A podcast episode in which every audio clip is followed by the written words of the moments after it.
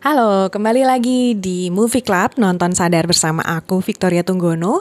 Kita masih ngebahas film uh, Free Guy dari uh, yang main adalah Ryan Reynolds. Nah, kita mau ngebahas saat ini kita mau bahas tentang pelajaran-pelajaran apa sih yang kita bisa pelajari dari film ini, film yang kocak ya, film yang seperti sci-fi, seperti nggak jelas, tapi ternyata banyak banget yang bisa kita pelajari lewat film Free Guy ini. Nah, aku mau bahas tentang zona nyaman. Kalian perhatiin nggak? Waktu awal di uh, awal-awal film ada adegan Ryan Reynolds atau si Guy lagi jalan sama temennya si satpam tuh namanya Buddy. Jadi Guy sama Buddy abis beli kopi mereka ketemu di jalan lalu mereka jalan bareng ke tempat kerja mereka bilang, aduh aku bahagia banget loh, aku seneng banget sama hidupku, aku puas loh kata si Badi. Lalu si uh, apa oh terus si Badi bilang juga rasanya semuanya tuh aman ya, nyaman banget gitu.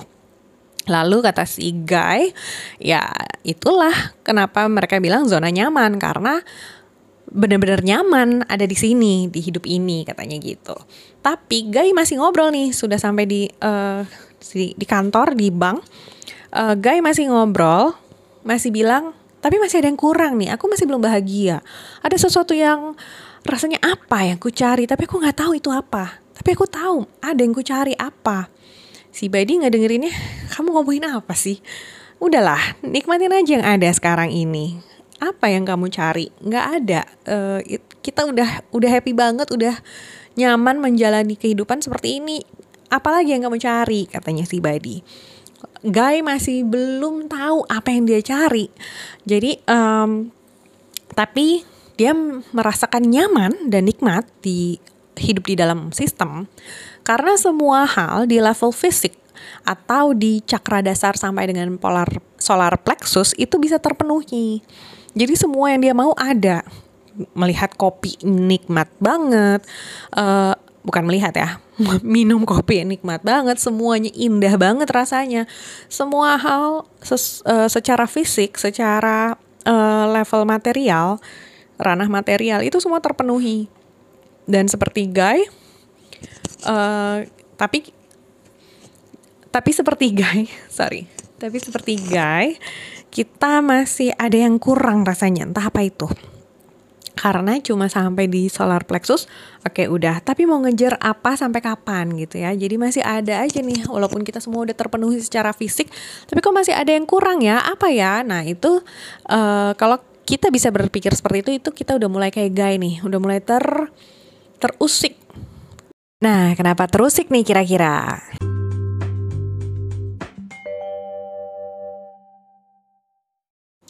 Nah, jadi hidup seperti Guy dan Buddy itu bisa enak banget kecuali kalian sudah mulai melihat ada yang kurang nih. Apa ya? Nah, kalau udah mulai kayak Guy merasakan ada yang kurang entah apa itu, itu biasanya kita bisa ketemu dengan orang-orang yang berbeda dari lingkungan kita. Kalau yang biasanya guy cuma main sama body, tiba-tiba dia mulai ketemu sama sunglasses people. Sunglasses people buat aku adalah orang-orang yang lebih berkesadaran.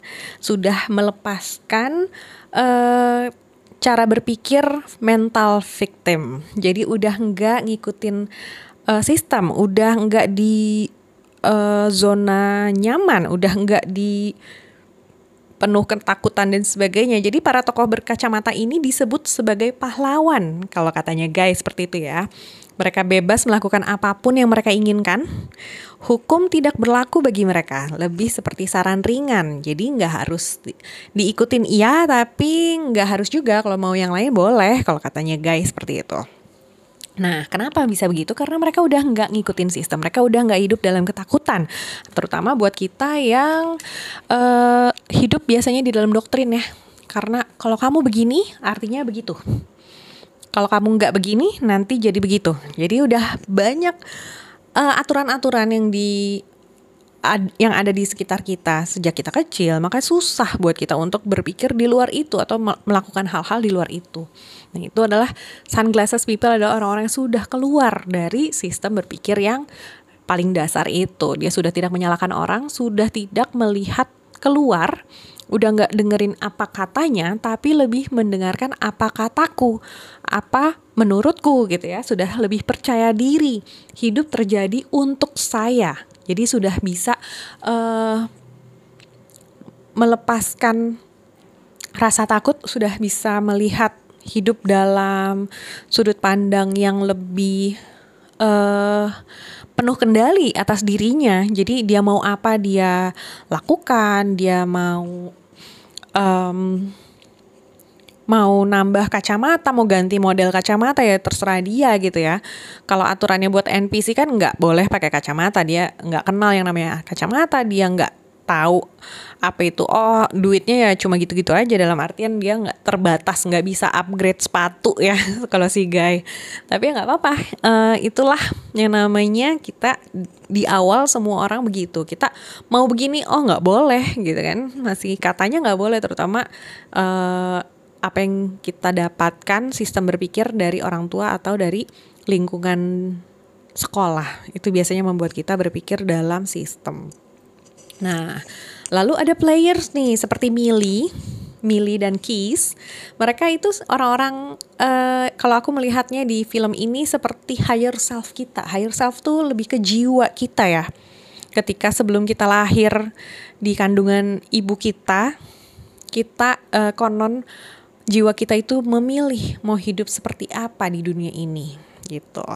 Jadi kita uh, jiwa kita memilihkan peran untuk kita jalani dalam hidup sesuai dengan energi atau frekuensi kita berdasarkan apa yang perlu kita pelajari dalam hidup kali ini. Entah apa yang perlu kita pelajari atau misi yang harus kita selesaikan dalam hidup ini. Makanya ada orang-orang bilang misi jiwa, tujuan hidup, misi jiwa dan sebagainya itu karena memang ada. Cuma apa itu ya kita nggak tahu sampai itu semua terbuka sendiri lewat jalan hidup kita. Nah, kalau dalam konsep reinkarnasi, ini seperti kita meneruskan pelajaran yang belum selesai kita pahami di kehidupan sebelumnya. Jadi uh, itu kenapa kita harus melewati atau kita harus lahir di keluarga seperti ini. Kenapa kita harus uh, menjalani kehidupan dengan semua keterbatasan maupun semua talenta kelebihan kita itu karena kita sudah uh, kalau dalam konsep reinkarnasi ya kita sudah melewati sebegitu banyak kehidupan dan kita udah punya bekal. Ya kali ini mungkin kalau dalam kehidupan yang lalu kita sudah jadi orang kaya, kita di uh, kasih jadi orang yang uh, kehidupannya pas-pasan aja di kehidupan kali ini. Kenapa? Karena udah pernah jadi orang kaya ya, udah pernah jadi uh, punya banyak uang. Itu seperti film apa tuh yang si Genie-nya uh, Wish Dragon kalau nggak salah gitu ya. Dulunya dia seorang kaisar, seorang raja yang angkuh. Dia bisa punya segalanya, semua tahta dan harta dan wanita dia punya. Tapi ternyata dia angkuh, makanya di kehidupan berikutnya dia dihukumnya sebagai wish dragon, sebagai naga. Itu kalian udah pada nonton belum? Mungkin abis ini bisa kita bahas juga ya di nonton sadar ya. Oke, okay, jadi uh, kita nggak mau bahas tentang wish dragon, tapi kita mau melihat bahwa ya apa pun kita saat ini ya terima aja. Kalau dulu mungkin di kehidupan sebelumnya kita udah uh, berlebihan di satu aspek, ya kali ini kita harus belajar dengan keterbatasan kita, tapi kita ngulik aspek lainnya dalam hidup seperti itu. Jadi kenapa jiwa kita memilihkan uh, kehidupan seperti ini untuk kita ya karena kita uh, kali ini butuh belajarnya yang seperti ini gitu. Jadi kita nggak usah terlalu ribet mikirin kenapa nggak begitu, kenapa nggak begini, kenapa aku nggak punya ini dan itu. Ya karena itu bukan hak kita saat ini. Makanya kalau yang sebelumnya gamenya mungkin sebagai cewek kantoran atau uh, jadi orang baik-baik, kali ini seperti temennya si Keys kan dia milihnya aku mau jadi bad cop gitu ya. Aku mau jadi polisi brengsek gitu kan. Karena dia udah pernah jadi orang baik gitu. Uh, jadi hal-hal seperti ini itu bukan temannya si Keys malahan. Itu si Keysnya jadi polisi gitu ya. Temennya malah jadi Bunny. Jadi uh, nggak usah mikirin apa yang nggak ada dalam hidup kita. Kita fokus sama misi kita kali ini aja.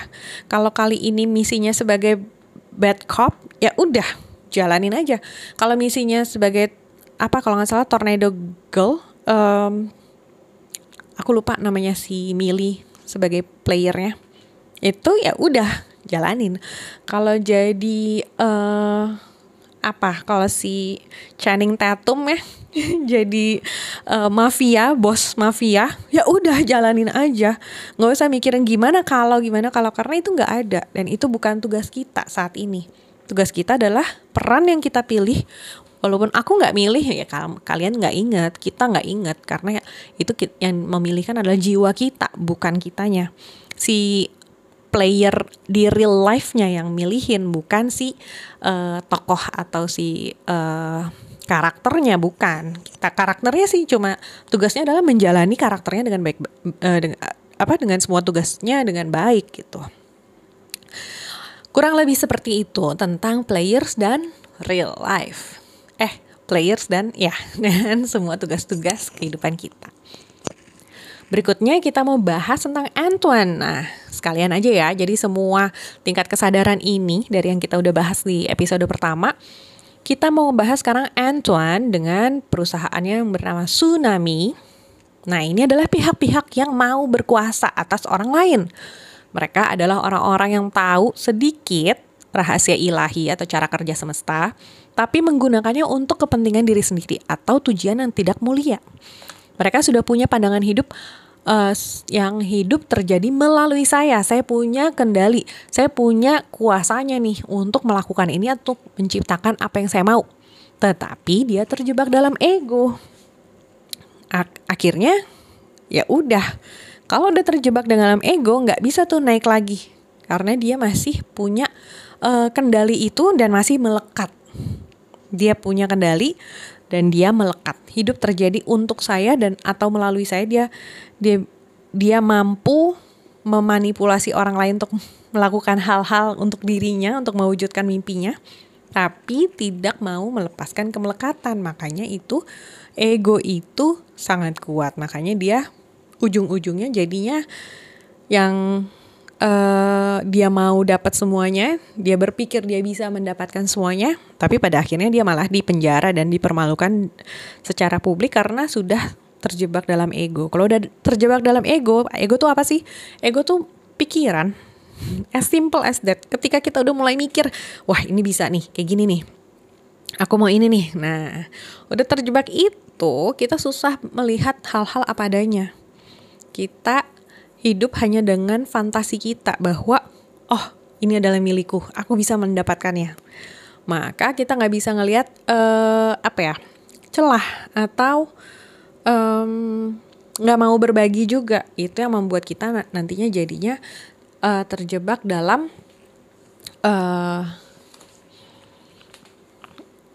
ya apa pun itu ya masalah-masalah apa pun pasti muncul masalah deh. Pasti orang lain mempermasalahkan karena kita masih memegang ego. Kalau kita mau lepas ego pasti bebas dari masalah. Tapi kalau kita masih punya ego pasti kita akan dijedukin terus sama semesta sampai kita belajar untuk melepaskan untuk let it go untuk tidak melekat lagi. Seperti itu Oke, kayaknya kali ini aku mau udahin di sini untuk episode kali ini. Kita ketemu di episode berikutnya, nonton Sadar Movie Club. Uh, kita ketemu lagi. Uh, besok kita mau bahas tentang awakening. Oke, sampai ketemu. Bye.